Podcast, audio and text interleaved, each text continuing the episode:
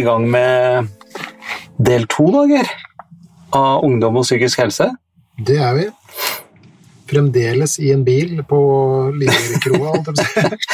Ja, og Her er det godt og varmt. Her er det godt og varmt. Det er deilig, da. Det er vår ute.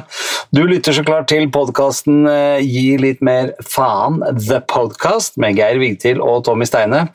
Og eh, forrige episode så begynte vi å snakke om ungdom og psykisk helse, og det er så mye å snakke om at eh, vi måtte lage to deler av det også. To deler av The Postgas. Men en bitte liten oppsummering, i tilfelle ikke folk har hørt hele forrige episode, tenkte jeg, Geir, eh, må vi også ha i, i dag. Men aller først, hvordan har du hatt det siden forrige episode? Jeg har hatt det aldeles strålende. Som sagt, litt varmt i baksetet her. Vi må jo holde avstand. Vi har to meter avstand i bilen. Det har vi. Det er korona Full respekt for korona. Rona season. Ja. Ja. Det er um, Og du, har ikke noe, du er ikke noe mer optimistisk enn forrige episode på koronabiten? Nei, jeg, eh, jeg er eh, avventende. Avventende. Kanskje til og med på, litt på den optimistiske sida, faktisk. Det er jo tall, eh, og det er mulig at jeg driver med det man kaller cherry picking nå, at jeg leter etter de nyhetene som passer meg, men Ja, Det skulle tatt seg ut i disse tider. ja, Når det er cherrypicking andre veien hele tida. ja det er sant. Det er Ja. veldig mye sånn katastrofeserier. Ja. Er voldsomt òg. Ja, det er helt drøyt. Ja, det er Det kunne jeg faktisk godt tenke meg at vi snakka litt om et par minutter før. For nå kan jeg spørre deg som fagmann, Mhm. eh, så jeg utnytter på en måte deg litt med at jeg har deg i bilen. ja.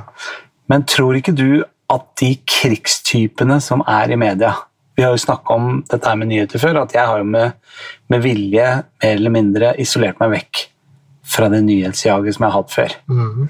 Nå skal det sies at Koronatiden har, har jo da ført til at jeg fikk en voldsom comeback på nyhetsbiten, Mhm. men har nå klart å overholde den avtalen vi gjorde for et par episoder siden, at jeg sjekker det to ganger, kanskje tre ganger om dagen hvis det er et eller annet spesielt som kommer, og jeg får høre det via andre. Mhm. Så jeg sjekker om morgenen når jeg står opp, og jeg sjekker på eh, kvelden før jeg legger meg.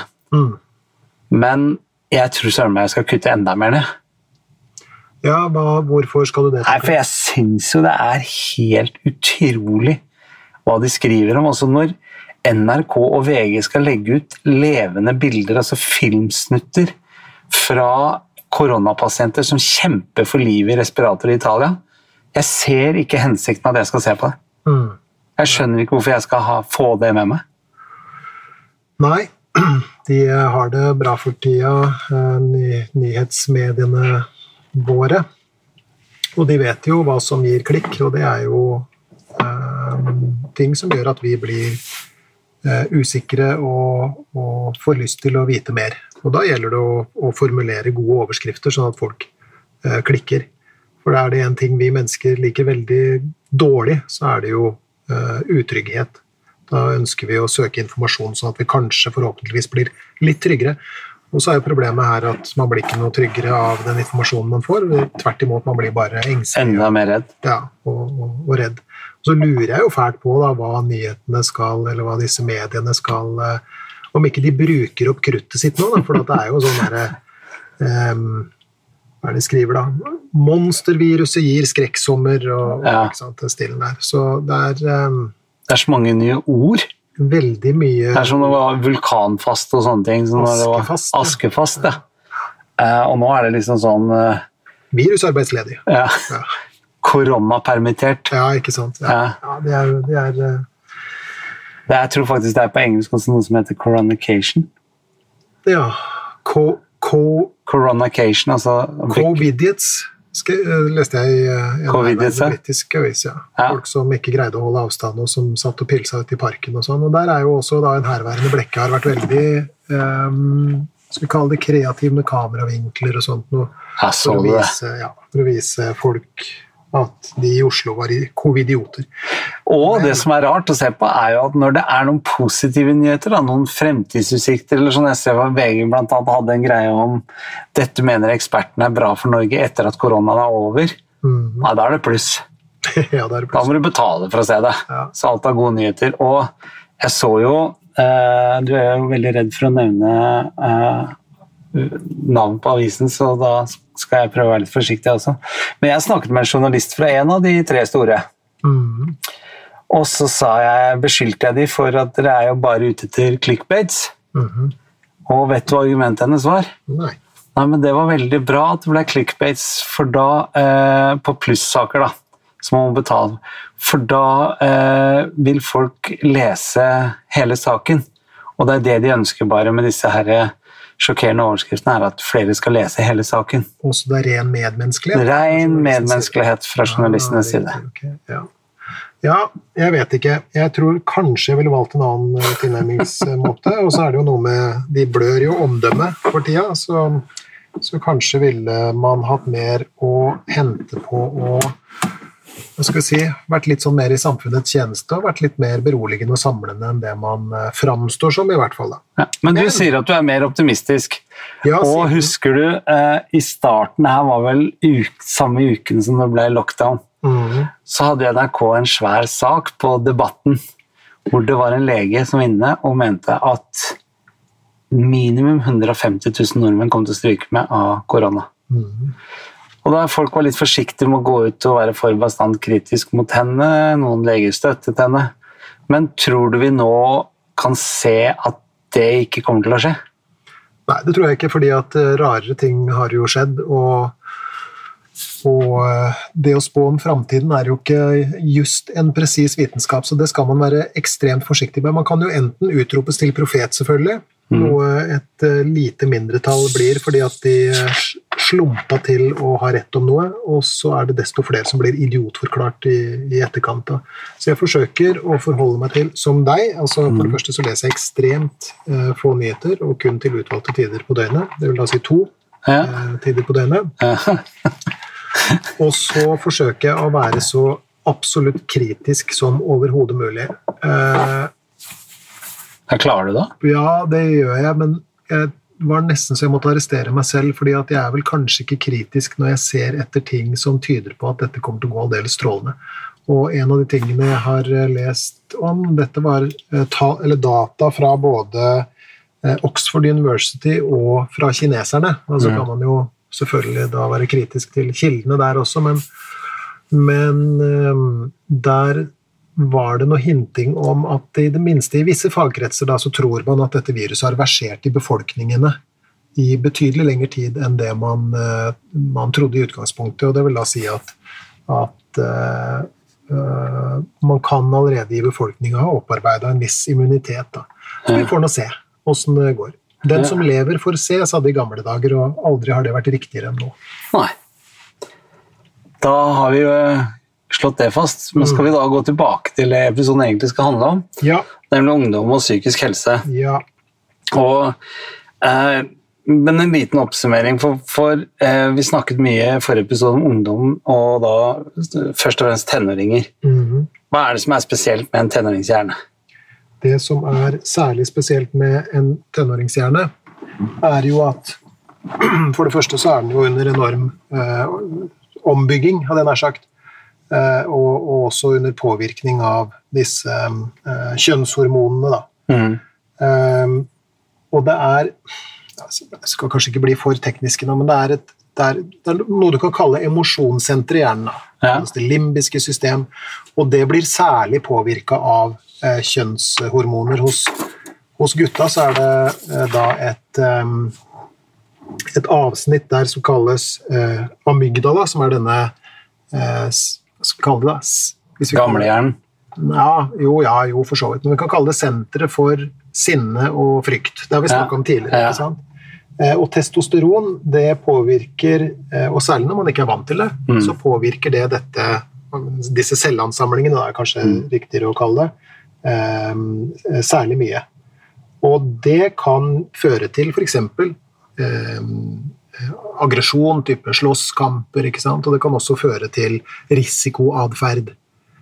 Alt fra klatring i høyspentmaster til liksom, sånn dødsing og sånn som det er. Det, det, er jo, det går som oftest bra, men, men, men, av og til ikke, da. Og så har vi da eh, jentene som eh, som har eh, særlig de hormonene som vi kaller østrogen og progesteron, som påvirker litt av de samme strukturene, men på en litt annen måte. Og det vil da si at jenter kan f.eks. da eh, oppsøke emosjonelt Skal vi kalle det emosjonelt ladde situasjoner, type 13 Reasons Why, og ligge og hulke over filmer og, og sånt noe. Ja. Og, og, og Altså denne Så jenter er mer følsomme i tenårene enn guttene er? Ja, emosjonelle, kan vi kanskje kalle det. Ja. Ikke sant? Og, og mange har jo, som har tenårings... Altså det her gjelder jo? Altså det er veldig, veldig gruppenivå igjen. ja. Eh, For det kan jo også gjelde gutta, men, men eh, Se en glad og oppstemt tenåringsjente gå fra, fra solskinn til tordenvær på ett sekund, ikke sant. Det er jo ganske Det er, det er vel en erfaring mange tenåringsforeldre har gjort seg. Og mange tenåringer, da. Det er jo ikke noe gøy å ha det sånn. Jeg husker jeg snakka med sønnen min da. Han var jo ganske Nå er han jo 18 år, eh, men eh, han var ikke han, var, han hadde ikke vært tenåring så veldig lenge før han ga en sånn rapport om hvordan det var. eh, Og, og hvordan følelsene kunne liksom endre seg så fort. ikke sant? Og han sa jo at 'jeg skjønner jo ikke noe av det her sjøl'. Det her er fælt, liksom. Og, og det var jo en altså, en wake-up call for pappa? Ja, det var jo det, og det, det er faktisk noe av grunnen til at jeg har interessert meg særlig for det her også, fordi at jeg vil jo gjerne Jeg vil jo forstå den der hjernen som sitter foran meg. Mm. Ikke sant? Og, og, og, og det betyr ikke at jeg liksom unnskylder atferden noe mer, men, men da forstår jeg atferden i det minste, da. Og aksepterer du den bedre? Altså, Ja, reagerer du litt mindre? Ja, litt. Du gjør det? Ja. Med mindre det er 100% totalt urimelig, liksom. Ikke sant? Men, Det er det ofte. ja, det er det, men, men, men at det blir litt lettere å forstå. da. Ja. Dess mer kunnskap man har om hva de går igjennom. Og det kan jo være en fin greie.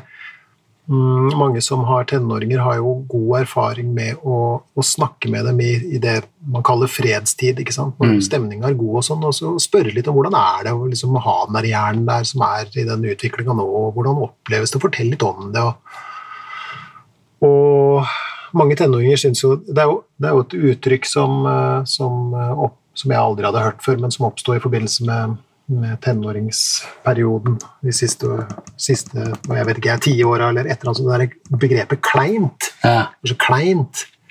Og, og, Flaut, sa vi da vi var unge. ja, vi sa, sa at det var flaut, ja. Ja. Men, men det å sette, Pinlig. ja, sette seg overfor en tenåring og liksom se henne inn i øynene og skal snakke om emosjoner og sånn, det er mange som rygger litt. Ja.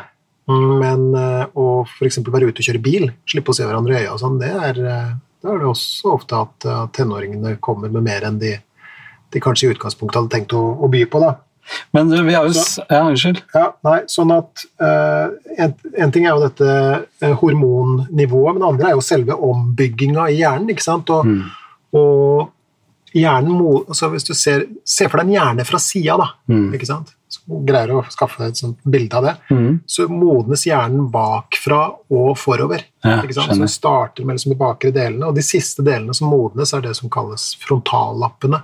Ja. Og frontallappene er superviktig for sånn impulskontroll og det å konsentrere seg om ting over tid osv. Konsekvenstankegang. Konsekvenstankegang. Mm. Superkul del av hjernen. Dessverre så er det den som kommer online på sist, liksom. Eh, og, og det er jo litt Ja, der, har jeg, der har jeg hørt noen tall også. Hvordan er det? For vi leste jo den Teenage Brain uh, Hva heter det? Francis Jensen Nei, Jensen? Uh, Francis Jensen, ja. Ja. Den, er faktisk, den foreligger på norsk også. 'Tenåringshjerne' er faktisk ikke så dum, altså. Det er jo fin bok å lese. Ja, Fikk en litt sånn aha-opplevelse med et par ting der. Ja. Men der var det noe tallfast Det var, det var, det var noe Det var jenters frontallapp var fra 19 til 22, var det? Ja, så- og, og igjen, da, det er jo, er jo på gruppenivå. Men, men uh, i, i verste fall så ser vi menns uh, frontale modning. Ja. Altså, ikke sant I, siste halvdel av 20-åra. Ikke ja. Og spør du de Viboene, så mener de vel siste Første del av 50-åra. ja, i beste fall. Men, men tenåringshjernen er sånn eh, veldig enkelt sagt, er bare 80 ferdigutvikla ved tenårenes eh, slutt. Ja. Um, og, og hva skal vi si da? La oss si- at vi definerer tenårene og liksom være slutt når du blir 20. Da. Mm. Men de er jo ikke det sånn altså hjernemodningsmessig sett. Så når du er ung student og bor hjemmefra for første gang og er tre, kanskje 24-25 år til og med, så, så kan man fremdeles ha, ha litt sånn tenåringsproblematikk på et vis. da. Mm.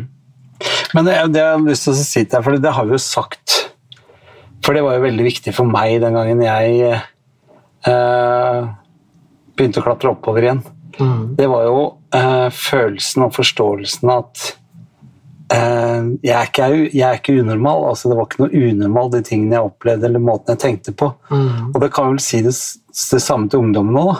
Ja, ja. Fordi de klarer jo, eh, av det du nettopp sa nå, så er det sikkert vanskeligere å se også at det at de har disse enorme svingningene, det at de har det så vondt av og til og har det så bra av og til, og det kan switche på et sekund, at de også eh, kanskje begynner å, å tenke på at dette her er veldig normalt. Det er veldig vanlig Det er veldig vanlig, og igjen så skal at det går over.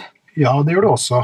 Eh, og, og f.eks. dette med å, å regulere følelsene sine er jo også en del av, av si, den, den fremdeles manglende modninga av disse frontale hjerneavsnittene. Mm. Det som gjør at uh, hvis du sier noe håpløst og, og kona di strengt tatt har lyst til å rive huet av deg, Mm. men hun Det skjer jo. Det kan kanskje hende. Ja. Også for min kone, når sant skal sies. Og, og, og, Og vice versa. og vice versa, selvfølgelig. For sånn er det å være folk. Ja. Men, men det som gjør at vi da ikke river hodet av partneren vår og liksom besinner oss, da, det er, har også med denne, disse frontallappene å, å gjøre. Ja. Så manglende evne til det vi kaller emosjonsregulering, nedsatt evne da, Mm. til emosjonsregulering har også med, med frontallappen å, å gjøre. Ehm, og så har vi dette med å kontrollere impulsiviteten sin, ikke sant. Det, det å skal vi si da, dra på fest med vennene sine når du strengt tatt skulle sitte og lest om eh, Konstantinopels fall Mm. og, og, og Øst-Romerriket, eller hva søtt det het. Eh, Og at du heller velger å dra ut og, og, og feste, er eh, Kan også ha med, med, med den litt sånn mangelfulle modninga der å gjøre. Uten at det er noen unnskyldning. Det er en forklaring. Men samtidig tenker jeg så er det vel bra òg. Ja, For, hvis det, for hvis man bare gjorde de korrekte, gjennomtenkte, fornuftige valgene hele tiden Ja, da har man jo ikke lært noe, Nei, ikke sant? det er det jeg tenker på. At det- det også er Men, men eh, en ting som jeg husker veldig godt fra min ungdom, og som jeg, som jeg syns jeg kjenner igjen når jeg snakker med mine barn også, Mhm. er jo eh, I tenårene spesielt så er det jo et ekstremt behov for å tilhøre. Mm, For å føle at man er en del av noe. mm, Eh, enten om det være seg at man spiller på fotballag og blir plukka ut i lag, eller man er venninnegjeng og man blir invitert på de samme festene osv. mm, Uh, og jeg opplever at veldig mye der mange sliter i dag, er at de føler seg utenfor. mm. Er det noe, er det noe sånn uh, ting som er typisk uh, ungdommen det? Å føle seg utafor. Nei, at vi har et enda større behov for å føle oss som en del av flokken. Ja, det var jo igjen for å bringe oppmerksomheten tilbake til eh, Eller mer hukommelsen tilbake, kanskje, eh, til eh, vår husprofessor, da. Hæ? For han snakka jo om det der. Jeg tror kanskje det var sist gangen han var innom oss. Mm. Så snakka han om at det er ganske kjapt at, at Hva skal vi kalle det? Mm, venner og kamerater og venninners eh, sosiale påvirkning blir den viktigste Mm. i, i, i barn og, og unges liv. Mm. Og at man på mange måter eh, kan si at, at det er der eh, den store påvirkninga skjer. Rent bortsett fra den, den genetiske ballasten du har fått med deg fra, fra foreldrene. fordi at som han sa, altså det, er, det er fint lite man kan spore tilbake til foreldre om noe ja. eh, når det gjelder dette med Kall det litt mer sånn sosial påvirkning. Og så er det jo, som, eh, som du sier, jeg husker jo det fra den tida sjøl, at, eh, at det er jo en alder prega mye f.eks. av usikkerhet og, og ønske om å, å høre til osv. Og, og det er også kanskje noe av årsaken til at eh, mobbing eh, er så Mobbing kan man jo tenke seg sosialt ekskluderende. ikke sant? Ja. Det er jo en slags sånn det er en slags sånn mer eller mindre direkte, kanskje til og med av og til litt sånn indirekte beskjed også, men, men det er en beskjed om at du liksom du er ikke bra nok, du hører ikke til, Mm. du hører ikke til sammen med oss. ja. eh, du er alene, liksom. Og det er veldig ødeleggende for, for mange. Så det er en alder for sosial eh, for, for, for å, å, å ønske å høre til, tenker jeg. Mm. For der tror jeg også det ligger veldig mye av eh, det som gjør at noen sliter mer i ungdomstida enn andre, er der, det er, jeg sikker på at det, der, er mange av de tilfellene er at man føler seg ekskludert. Mm, mm. Og det, det blanda med da at du, du er jo i en slags identitetskrise sjøl også gjennom hele puberteten, ikke sant? Hvor du hva, Hvem er jeg, hva skal jeg, hva skal jeg uttale meg? Altså, Det er masse ting som skal, som skal opp og bli på en måte avgjort i løpet av en veldig kort periode. Mm, mm. At det er ikke rart at, at eh, for, oss alle når vi er ungdommer, så koker det over av og til. Ja, nei, det er, eh, det er fullt forståelig. Og en annen greie med det å koke over Det her kom som en, en bombe på meg, da. Mm. Og det var at eh, At eh, man mener å ha funnet et, et, eh, et stoff i hjernen, da. Mm. Eh, et hormon som heter, hold deg fast, Mm. allopregnanolon. Allo, Pregnanolon. pregnanolon. Pregnanolon. Allopregnanolon. Allopregnanolon. Og dette hormonet eh, hos voksne ser ut til å ha en sånn beroligende effekt. Litt sånn der, eh, vival for hjernen, på en måte. Det roer ned emosjoner og ikke sant? Mm. Er, er med i den reguleringa av, av følelser. da. Ja. Mens eh, Og dette er forskere i, i New York som, som, som jeg har lest det her eh, av, holdt jeg på å si. Mm. De mener å, ha, å på, kunne påvise at dette stoffet, allopregnanolon, virker motsatt hos tenåringer. Hva? Så istedenfor å dempe følelsene, så skrur det følelsene enda mer opp. Og Ja. det mener de er med på å gjøre tenåringer mer sånn Hva skal vi kalle det? Sårbare, eller påvirkbare Jeg liker ikke sårbare, men påvirkbare, da Ja. for, eh, for stress. Så, og, og så vil denne virkninga på en måte komme seg eh, og, og bli mer sånn jeg vanlig når de Ja. blir, eh, blir eldre. da. Men så kommer myndighetene på banen da, og så skal hjelpe til med dette. sånn, Så nå skal vi ha livsmestring inn i skolen. Ja, nå skal vi ha uh, livsmestring inn i uh, skolen, ja. Ja. Um, På, alle, på alle flater. ja. Nå er det jo pusteøvelser og gud veit hva som ikke er på skolene, for livsmestring er satt på dagsplan. Nå er livsmestring satt på, satt på dagsplanen, og uh, uten at det er noen sentrale føringer på det. Ja. Altså, det er ingen, uh, ingen sånne ekspertpaneler som har satt seg ned og tenkt seg ekstremt grundig gjennom uh, hva det her skal eh, inneholde. Det ser ut til å ha blitt mer sånn opp til den enkelte skole, og i verste fall opp til den enkelte lærer. Og da blir jeg engstelig, eh, fordi at eh, Det har livet lært meg, da. Ja. Er jo snart 50 år, som sagt. Og det er at alle tiltak vil alltid også ha konsekvenser du på ingen måte har tenkt over før du iverksetter tiltakene. Mm. Og jeg må si, eh, og det er ikke så populært å mene ting for tida, men dette mener jeg, jeg er eh, litt redd for det her, jeg. Men, ja, det skjønner jeg at du er. Og jeg forstår ikke, Men er det ikke bedre med noen tiltak enn ingen? da? Ja, er det det? Nei, jeg spør. Ja, nei, altså Hadde du livsmestring på skolen? Jeg hadde det, men det var ikke noe fag. Ok, På hvilken måte hadde du livsmestring på skolen? Fordi jeg eh, lærte livsmestring ute i skolegården, jeg lærte det i klasserommet, jeg lærte det på bussen til og fra ungdomsskolen. Så, eh, så uten at det var nedfelt av noen lærere eller noen skole eller fag, og sånt, så var en del av det livsmestring for meg likevel. Jeg lærte um, hvordan jeg skulle oppføre meg, eller i hvert fall Jeg var ikke så flink å følge det alltid, men eh, jeg lærte fort hvordan jeg måtte forholde meg til andre mennesker i store flokker for å ikke bli utstøtt. Så, så sånn sett så ser jeg på at jeg hadde min egen lille livsmestrings... En bratt kurve, riktignok Mm. mens jeg gikk på ungdomsskolen. Den, den bratte kurven, vil du si at den var smertefri? Overhodet ikke. Nei. Men jeg tror ikke noe på livsmestring uten smerte heller. Da. Nei, for det er, det, det er liksom Det er det jeg tenker litt, jeg også. For altså, hvordan skal du det, det er mye som tyder på at at vår kultur, altså den vestlige kulturen, Mm. er den kulturen som er mest opptatt av smertefrihet i forbindelse med livet. Mm. Det kan ha veldig mange eh, årsaker. Eh, både si, samfunnsmessige og religiøse osv. Men før, så, altså, eller hva skal vi kalle det, da?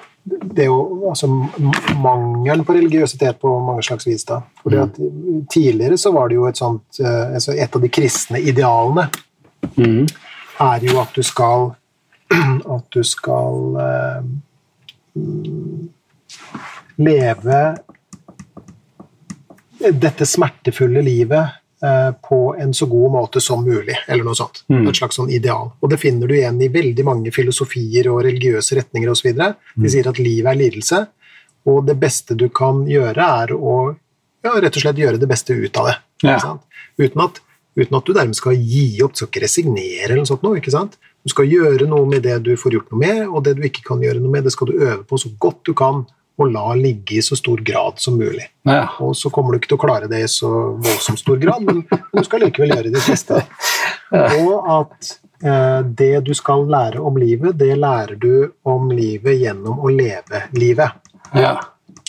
Ofte i kombinasjon med eh, veiledning av eh, Skal vi kalle det erfarne fjellfolk. Ja. Folk som har vært ute en vinternatt før. ja. Og det har vi også litt sånn mangel av, av to grunner. Nå blir det litt sånn spekulering her, men, men eh, hold ut. Det ene er jo at i mange tilfeller så ser vi jo litt sånn oppløsning av kjernefamilier og sånt. Nå før så bodde man kanskje på slektsgårder, hadde mer tilgang på besteforeldre, og, og kanskje han derre eh,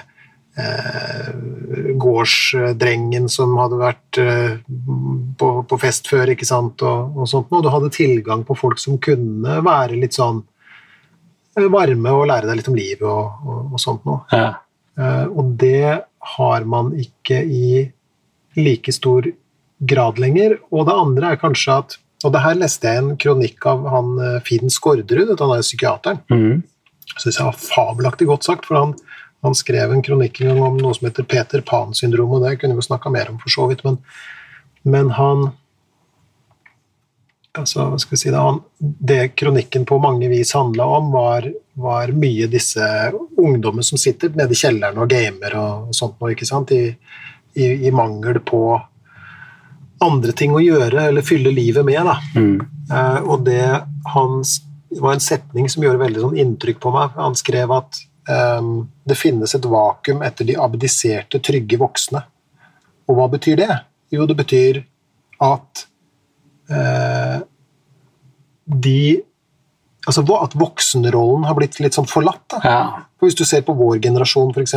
Hvor mange av oss er det ikke som flyr rundt med tattiser, Mm. eh, står på snowboard, er superkul og skal være kompis med, venn, nei, med ungene våre og, og sånn som er. Ja, ja. Snart, altså, hva skal de gjøre opp, opprør mot, på et vis?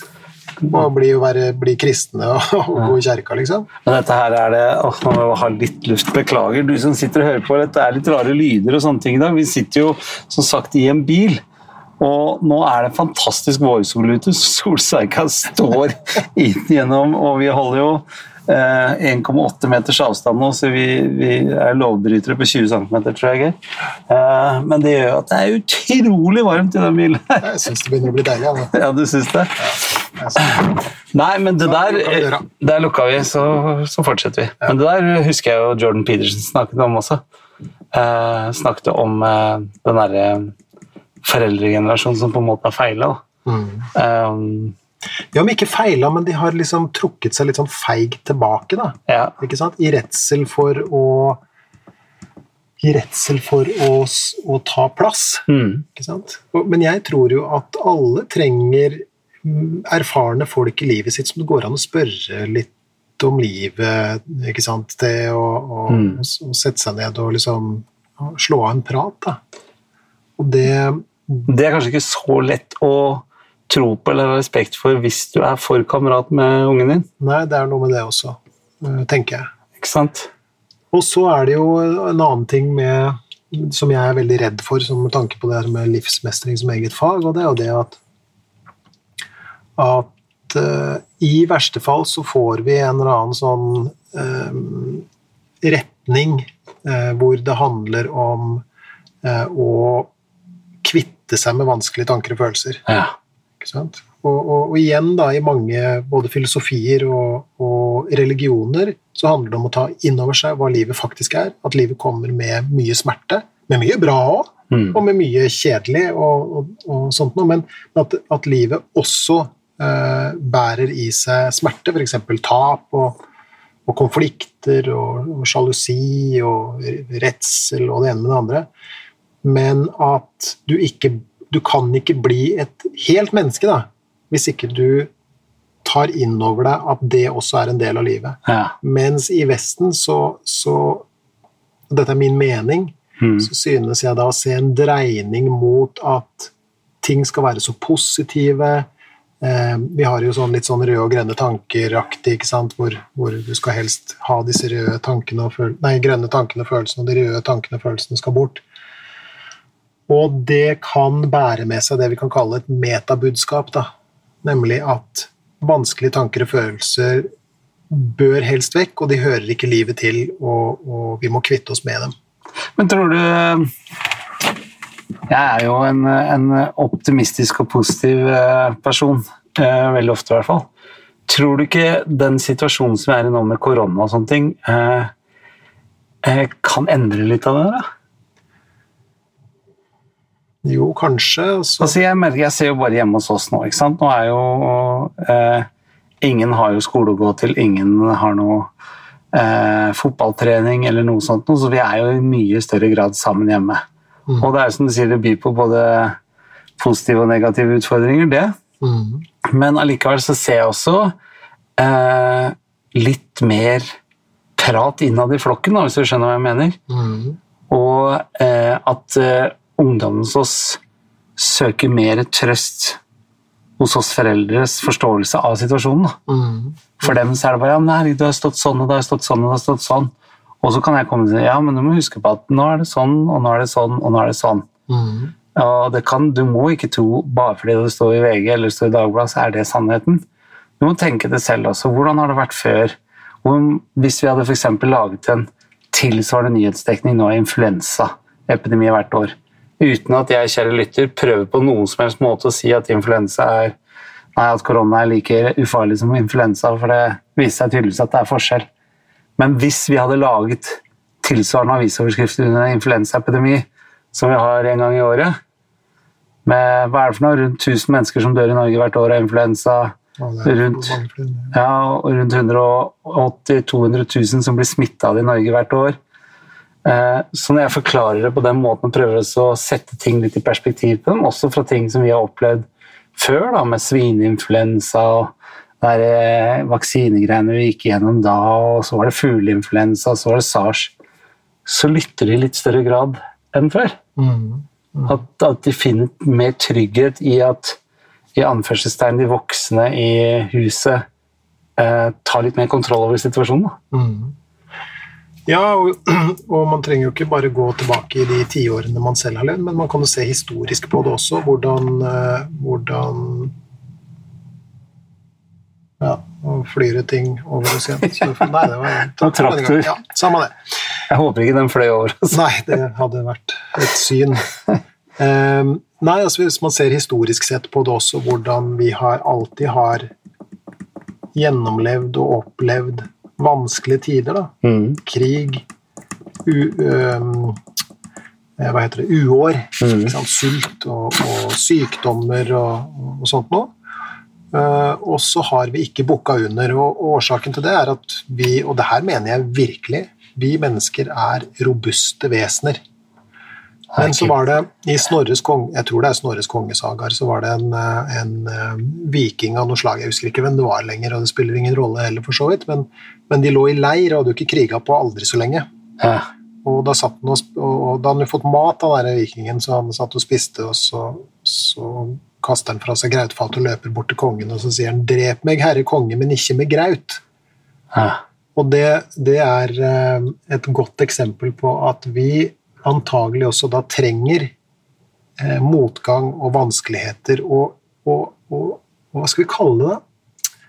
akkurat passe mye motgang, akkurat passe mye redsel osv. for å bli hele mennesker med et godt um, med et godt hva skal vi kalle det, psykologisk immunforsvar, eller et eller annet sånt. Ja, og så utvikle, føle at vi utvikler oss, da. Mm. Det er jo klart at eh, nå når vi står midt oppi det koronagreiene, eh, så er det klart at de som er ungdommer i dag, som opplever dette her i likhet med de aller fleste av oss som veldig skremmende, Mm. vil jo ved neste korsvei, for det vil jo helt sikkert komme flere, Mm. så vil man ha dratt med seg en erfaring om hva man har vært igjennom. Mm. Og da gikk det sånn og sånn. Mm. Så med andre ord så får man litt mer og mer ballast. Mm. Eh, og hvis ikke vi hadde hatt det, hvis vi ikke hadde møtt det motstandet, da hadde vi aldri vært rusta til noe. da. Nei, det er noe med det, og, og da, da er vi jo litt tilbake til eh, utgangspunktet for dette med livsmestring. Kan det læres? Ja, det kan læres, men det må læres gjennom, sånn som jeg ser det, da, to, to tilnærminger. på en måte. Det ene er å leve det selv, og det andre er å få veiledning av folk som har vært igjennom ting. Mm. og, og, og, ikke er så For du vet at den, den, jeg tror kanskje den største ulempen med å være ung, mm. det er at man ikke har opplevd ting i så stor grad altså Igjen på gruppenivå, ikke sant? Mm. det finnes tenåringer som har opplevd de mest hårreisende ting, men, og andre som har vært fullstendig forskåna. Mm. Eh, men, men gjennomsnittsmennesket, eller altså gjennomsnittstenåringen er det vi snakker om nå, da. Mm. Og det er Da har du ikke Du har ikke gjort, fått gjort deg mange nok erfaringer med at um, at ting er tøffe, og at de som oftest går over etter kortere eller lengre tid. Mm. Og hvis de ikke går over, så blir de etter hvert til å leve mer med enn de er nå. Og det har jo ikke ungdom på samme måte som oss på 50 Nei, det er hatt muligheten til å ha opplevd. Nettopp. Ikke sant? Og det vil da si at noe Og nå skal jeg mene noe igjen. Det verste, noe av det verste du kan gjøre med en person, eh, på dette feltet i hvert fall, mm. er å frarøve Eller frata andre problemer, motgang og smerte. Sant? Selvfølgelig skal man trøste osv. Legene har en veldig god greie, for de har en sånn legeed, Mm. og den sier Åssen var den igjen, da? Em, Skal redde liv. Nei, vent da. Vent da. Uh, vent da. Av og til helbrede, ofte lindre, alltid trøste. Eller noe sånt. Ikke sant? Så det å, å og, og, og, der, I det siste så ligger jo det der med å kunne ha trygge voksne. Mm. Erfarne, trygge, men, men erfarne voksne rundt deg som kan som kan være til sånn, litt sånn støtte og trøst av og til. Mm. Men livet må jo leves sjøl. Og gjennom å leve livet så får vi større evne til å mestre, da. For mestre betyr jo ikke at du nå plutselig er verdensmester i livet, liksom. Nei. Ikke sant? Det betyr at du greier å streve deg videre til tross for smerten. Mm. Så det er jo sånn som jeg alltid har sagt, ikke sant? At, at mestring i hverdagen er f.eks. å kreke seg opp om morgenen. Til tross for at du har mer lyst til å ligge. Som de fleste av oss her. Ja, ikke sant? Mestring er det å, å eh, sette seg ned og gjøre den forbanna rettslæreleksa, til tross for at du har mer lyst til å ut og, og treffe dama. ikke sant? Mm. Det, er, det blir litt som eh, Vi snakka jo i en episode, husker du jeg spurte om å få lov til å, å si noe på slutten, for, eller å fortelle en historie. Det var historien om Milos Mm. Milo. Milo fra Crotone i, i Italia. Og historien om han er jo sånn at han eh, hadde lyst til å bli sterkere. Ikke sant? Så han, han fikk tak i en kalv, og hver eneste dag så drev han og løfta på den kalven. Men i og med at kalven vokste, så ble jo kalven stadig tyngre. Mm. Og, og det vil da si at Milo løfta stadig tyngre også. Og til slutt så hadde han løfta så mye på den hersens kalven at han løfta en fullvoksen okse over hodet. ikke sant? Og det samme gjelder med Er det en sann historie, egentlig? Nei, jeg tror det er en sånn fabel, sånn Esops fabler-greie, vet du. ikke sant? For du er ganske sterk hvis du løfter opp en okse. ass. Ja, ja, sterk som en okse, eller noe sånt. Men, men, men den, den illustrerer poenget godt, da. Og det vil da si at for å bli så livsmestrende som du overhodet kan bli, Ja. så må du løfte stadig tyngre. Ikke sant? Du må bli et sånt antiskjørt system. som vi også snakka om tidligere. Mm. Og hvis du er en person rundt en, et menneske som nå er i ferd med å vokse opp, få erfaringer osv. Det verste du kan gjøre, er å skjerme det individet for livets smerte. Ja. Altså, og, og, og jeg håper at, at folk har evnen til å tenke sjøl at jeg hermed da ikke sier at du skal påføre folk smerte, eller sånt, det er jo selvfølgelig en hinside. Det er ikke sant, tror jeg. Nei, jeg- Men man vet aldri i våre dager, da. Men hva skal jeg si til eh, Fordi uh, og det kjenner jeg meg veldig igjen i sjøl også, i den fasen hvor man ikke har det noe greit, da, som veldig mange ungdommer jo eh, også selv her i Vesten opplever hver eneste dag, så har man jo en følelse av, eller man tanker om at dette her er så spesielt tilfelle. Mm, Det er ingen andre som har opplevd det som jeg har opplevd, mm, og det er ingen andre som har kjent på det jeg kjenner på. mm, Uh, og det er helt greit å føle det sånn, tenker jeg, for det er, det er en følelse du eier. mm. Men hva, eh, hva slags hva skal, hva skal den ungdommen gjøre, da? Fordi jeg syns jo, eh, og det her har vi diskutert før, at vi skal passe oss for at litt den derre ja, Hva er det du kalte det? Psyko psykologiseringen? Nei, Mm, at de begrepene blir utglidende. mm, Og at hver eneste gang du kjenner på en vond følelse, så skal du på BUP og NUP og, og DPS og slippe skole og, og hele pakka. Eh, hva kan den ungdommen eh, gjøre sjøl, da? Luft! Jeg klarer ikke mer. altså. Jeg klarer, Nå har jeg prøvd å holde meg. Det er helt drøyt. Nå er det 50 grader inne i bilen. Har ikke du leilighet i Tyrkia? Der er jo ingenting. Nei, men Da kan jeg gå i shorts og T-skjorte. Ja, ja. Syns du ikke det? Du er jo rød, du òg. Ja, ja. Se i speilet, du har jo Det koker for deg. Glinser litt i panna. Ok. Ok, tre, to, én Der. Eh, Hva kan man eh, gjøre selv? Nei, altså For det første så er jo kunnskap om den livsperioden man er inne i, er jo viktig, tenker jeg. Så ungdom burde kanskje lest den boka? Ja, det burde de også Ja. gjort, og ikke minst foreldrene deres. Så Lese den, sammen. Tenåringshjernen, er det ikke det den heter på norsk? Jo, tenåringshjernen. er det Ja. Det- Jeg synes den, er, eh, den, den gjorde mye med meg, for å si det sånn. Og jeg skulle ønske at jeg hadde lest den eh, selv da jeg var, eh, Tenåring, ja. jeg var tenåring. tenåring. Ehm, fordi at det å, å ha kunnskap om den perioden man er inne i, det hormonsystemet man sitter med, den hjernen man sitter med, Mm. det kan kanskje gjøre at det hele blir også litt mer sånn forståelig for en selv. Mhm. Og også det å møte kanskje litt mer forståelse fra eh, foreldre, ikke sant, i, i, i beste fall. Ja, for vi mener ikke at skal slå boka i bordet til foreldrene hver gang de Nei, nei, nei, det er ikke noen unnskyldning der, det er det ikke. Men, men det er greit å liksom ha et sånt eh, underlag. Men kan vi snu den utviklingen, tenker jeg? Altså, fordi nå er det- Jeg føler jo at det har blitt mer og mer av det. Eh, Men går det an å snu liksom den derre Kaller du det psykologiseringen? Nei, psykologisering. Ja, altså, altså Sykeliggjøringen. Ja, ja, vi får se. Vi får se. Men Terapeutisering. terapeutisering, ja. Det er, ja. det er, eh, det er litt som du har sagt tidligere også, da. ikke sant? For du, mm. Hvis en av ungene dine grua seg til en prøve, så har de angst for prøven. Ja. Og hvis du er litt sånn neff for en periode, så er du deprimert. Og, så det er noe med begrepsbruken vår. men mm. Og så håper jeg at vi som er voksne, har vett nok til å fange opp de som rent faktisk trenger hjelp. da. Mm. Men, men alle ungdommer har det fælt, for sånn er det å være ungdom. Mm. Ikke alle ungdommer har det fælt samtidig, Nei. og det er veldig vanskelig å se på utsida om noen har det fælt. Så, og vi er jo litt sånn Vi er jo flinke til å sammenligne oss med andre og måle oss mot andre og sånn, og det er kanskje noe av det dummeste man gjør da. Men det slutter man heldigvis med, i hvert fall i veldig stor grad i, sånn i 40-åra et sted.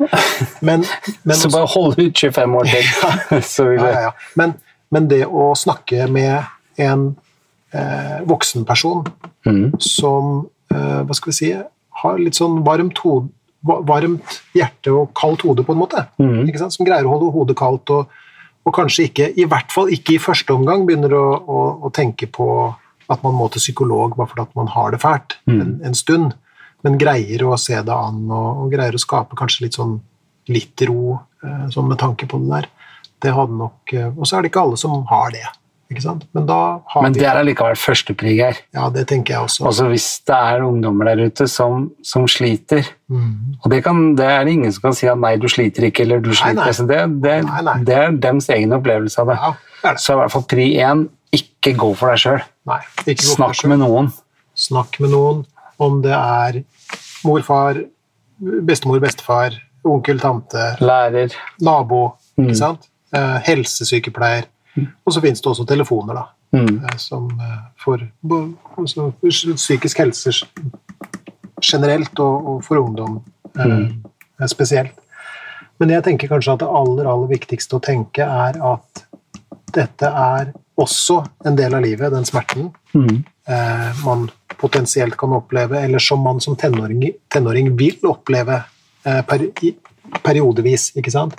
så er det en del av, eh, av det som skal til for å også ruste deg på veien, da, selv om det kanskje høres litt sånn uh, ubarmhjertig ut.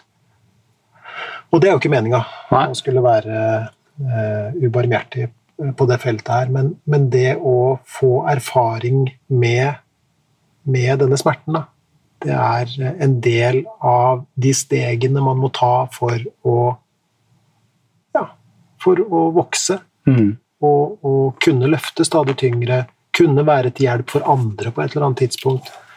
Eh, Men hvis det blir for tungt, og, og du ikke fungerer i hverdagen pga. det, så skal du selvfølgelig søke, søke hjelp. Men snakk med noen som har, har gått den løypa før deg. Mm. Det tror jeg kanskje er det aller, aller viktigste rådet.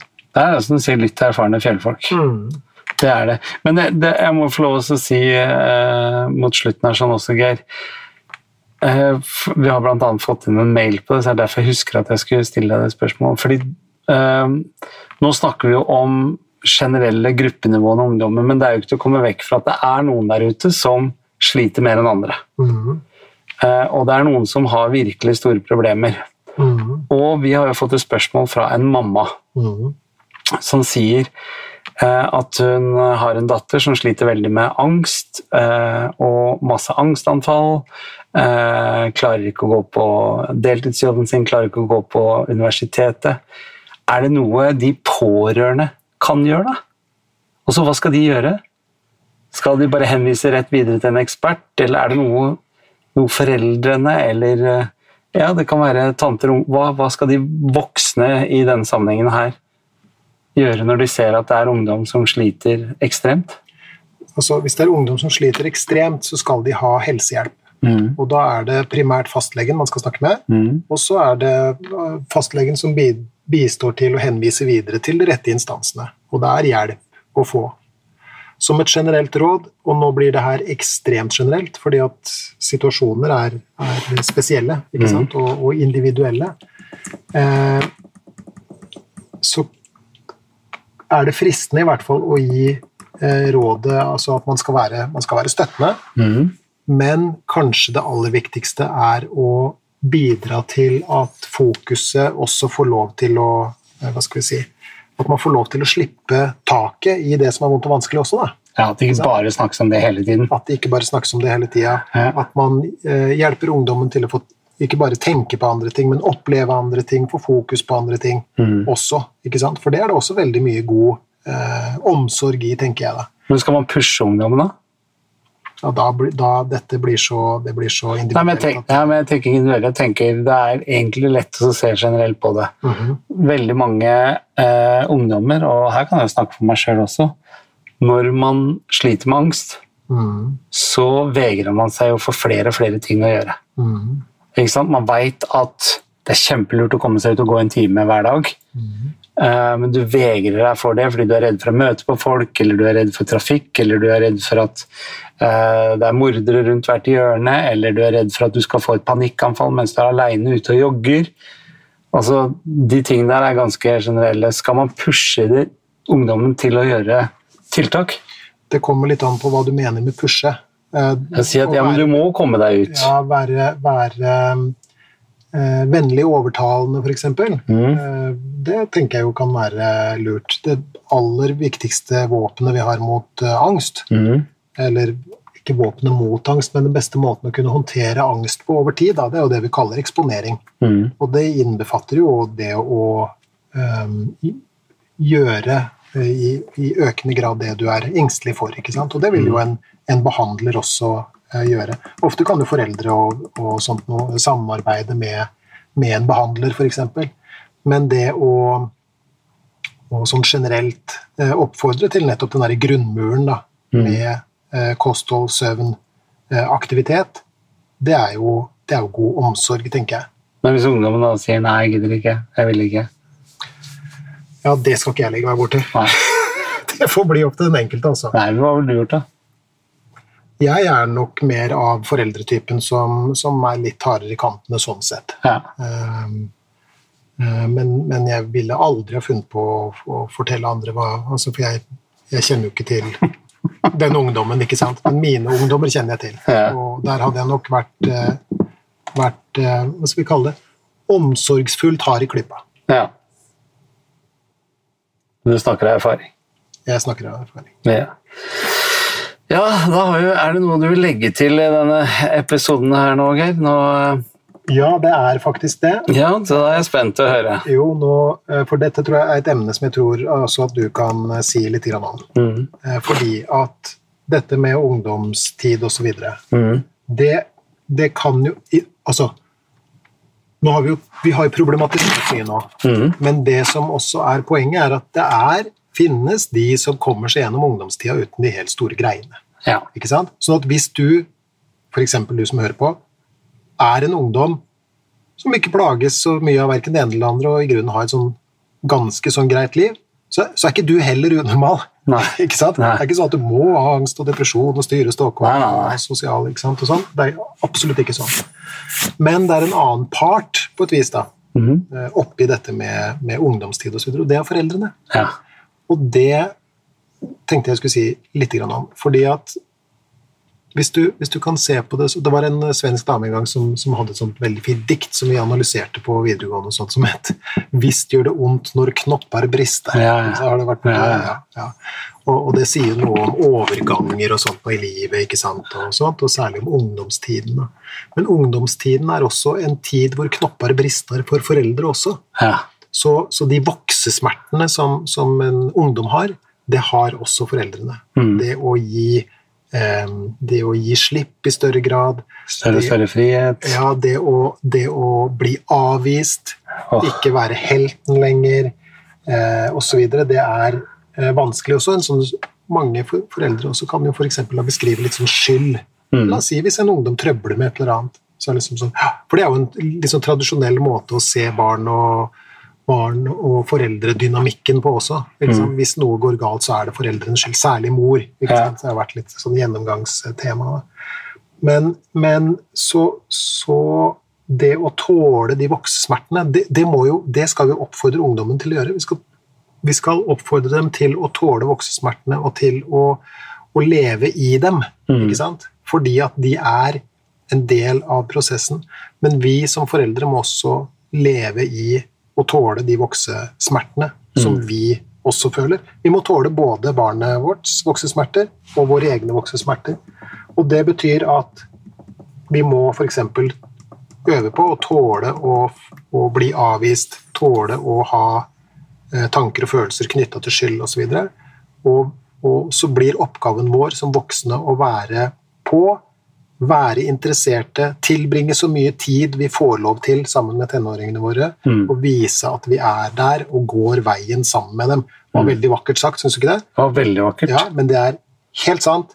Vi må tåle å gå den veien sammen med barna våre. Du må gå han sjøl, Ja, men jeg vil gå han med deg. veldig fint. Ja, det var bare en sånn sang jeg kom på på direkten, som jeg bare fant på. Eh, Ja, for det er, ikke, det, er, det er ikke lett å være foreldre heller, altså, når det står på som verst. Absolutt Gud ikke. bedre, vi har hatt noen situasjoner hjemme, gitt, altså, som jeg tenkt på sånn, hva er, hva er dette her? Uh, men det Ja, nei, det er en tid hvor eh, ungdom ofte blir veldig sånn inn i seg sjøl og, og sentrum i universet og, og sånt, og, og, tror at de er Guds gave til menneskeheten som kan og vet alt, og, og kan bli ganske sånn uspiselig, da. Og ikke minst, det har jeg fått høre cirka ja, Nå har jeg slutta å telle, jeg har sluttet å telle på 3500 ganger. Så få høre at uh, når jeg sier ja, men du må ikke glemme at jeg har jo vært 17 år en gang. Ja, men ikke nå. Nei, nei. Det er litt andre tider, kanskje. Mm, Den gang dere så hadde du ikke TV engang, så det er ikke det samme. mm, mm.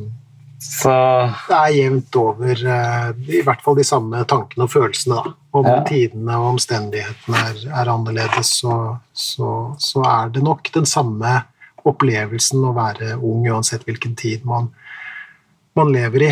Eh, Men jeg tenker at hvis man greier å, eh, å se både det voksne individet som er i ferd med å, å vokse fram, Ja. vis, men også greier å ha eh, barnet på en måte, i, i, i øyekroken. Da.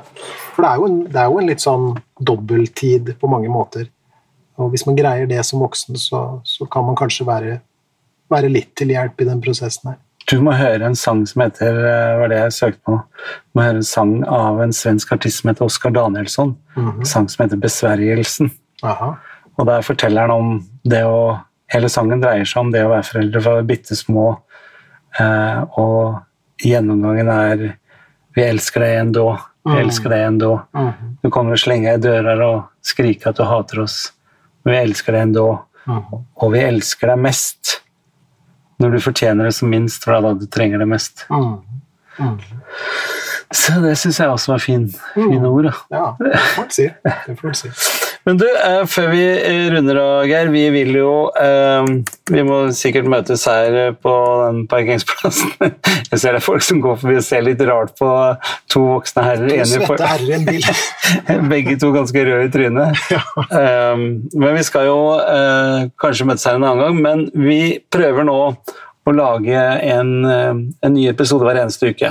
Mhm. Eh, og er jo veldig avhengig av at de som hører på oss, hjelper oss å spre dette. Mm.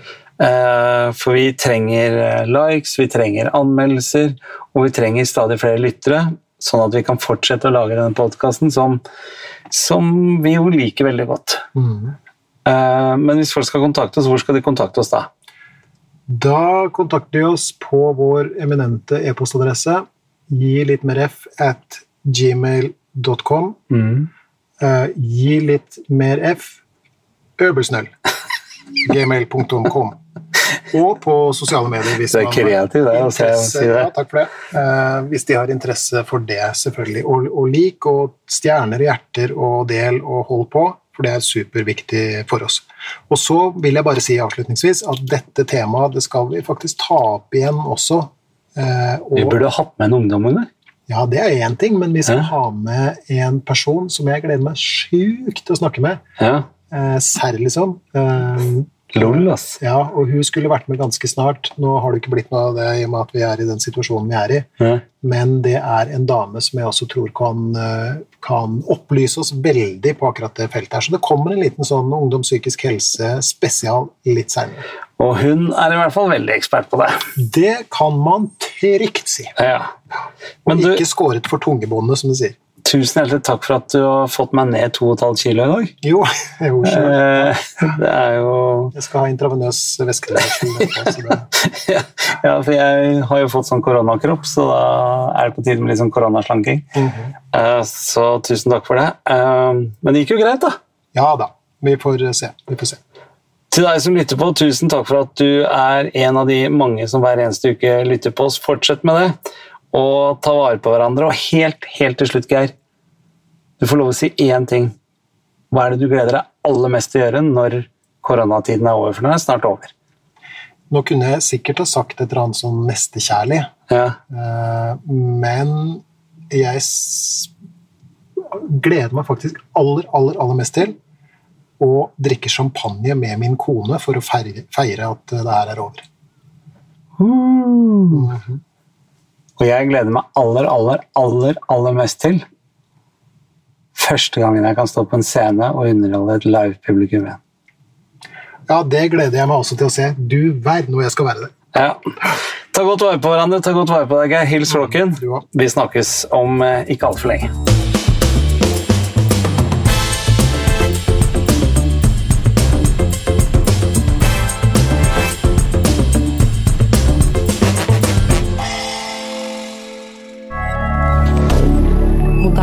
Moderne media.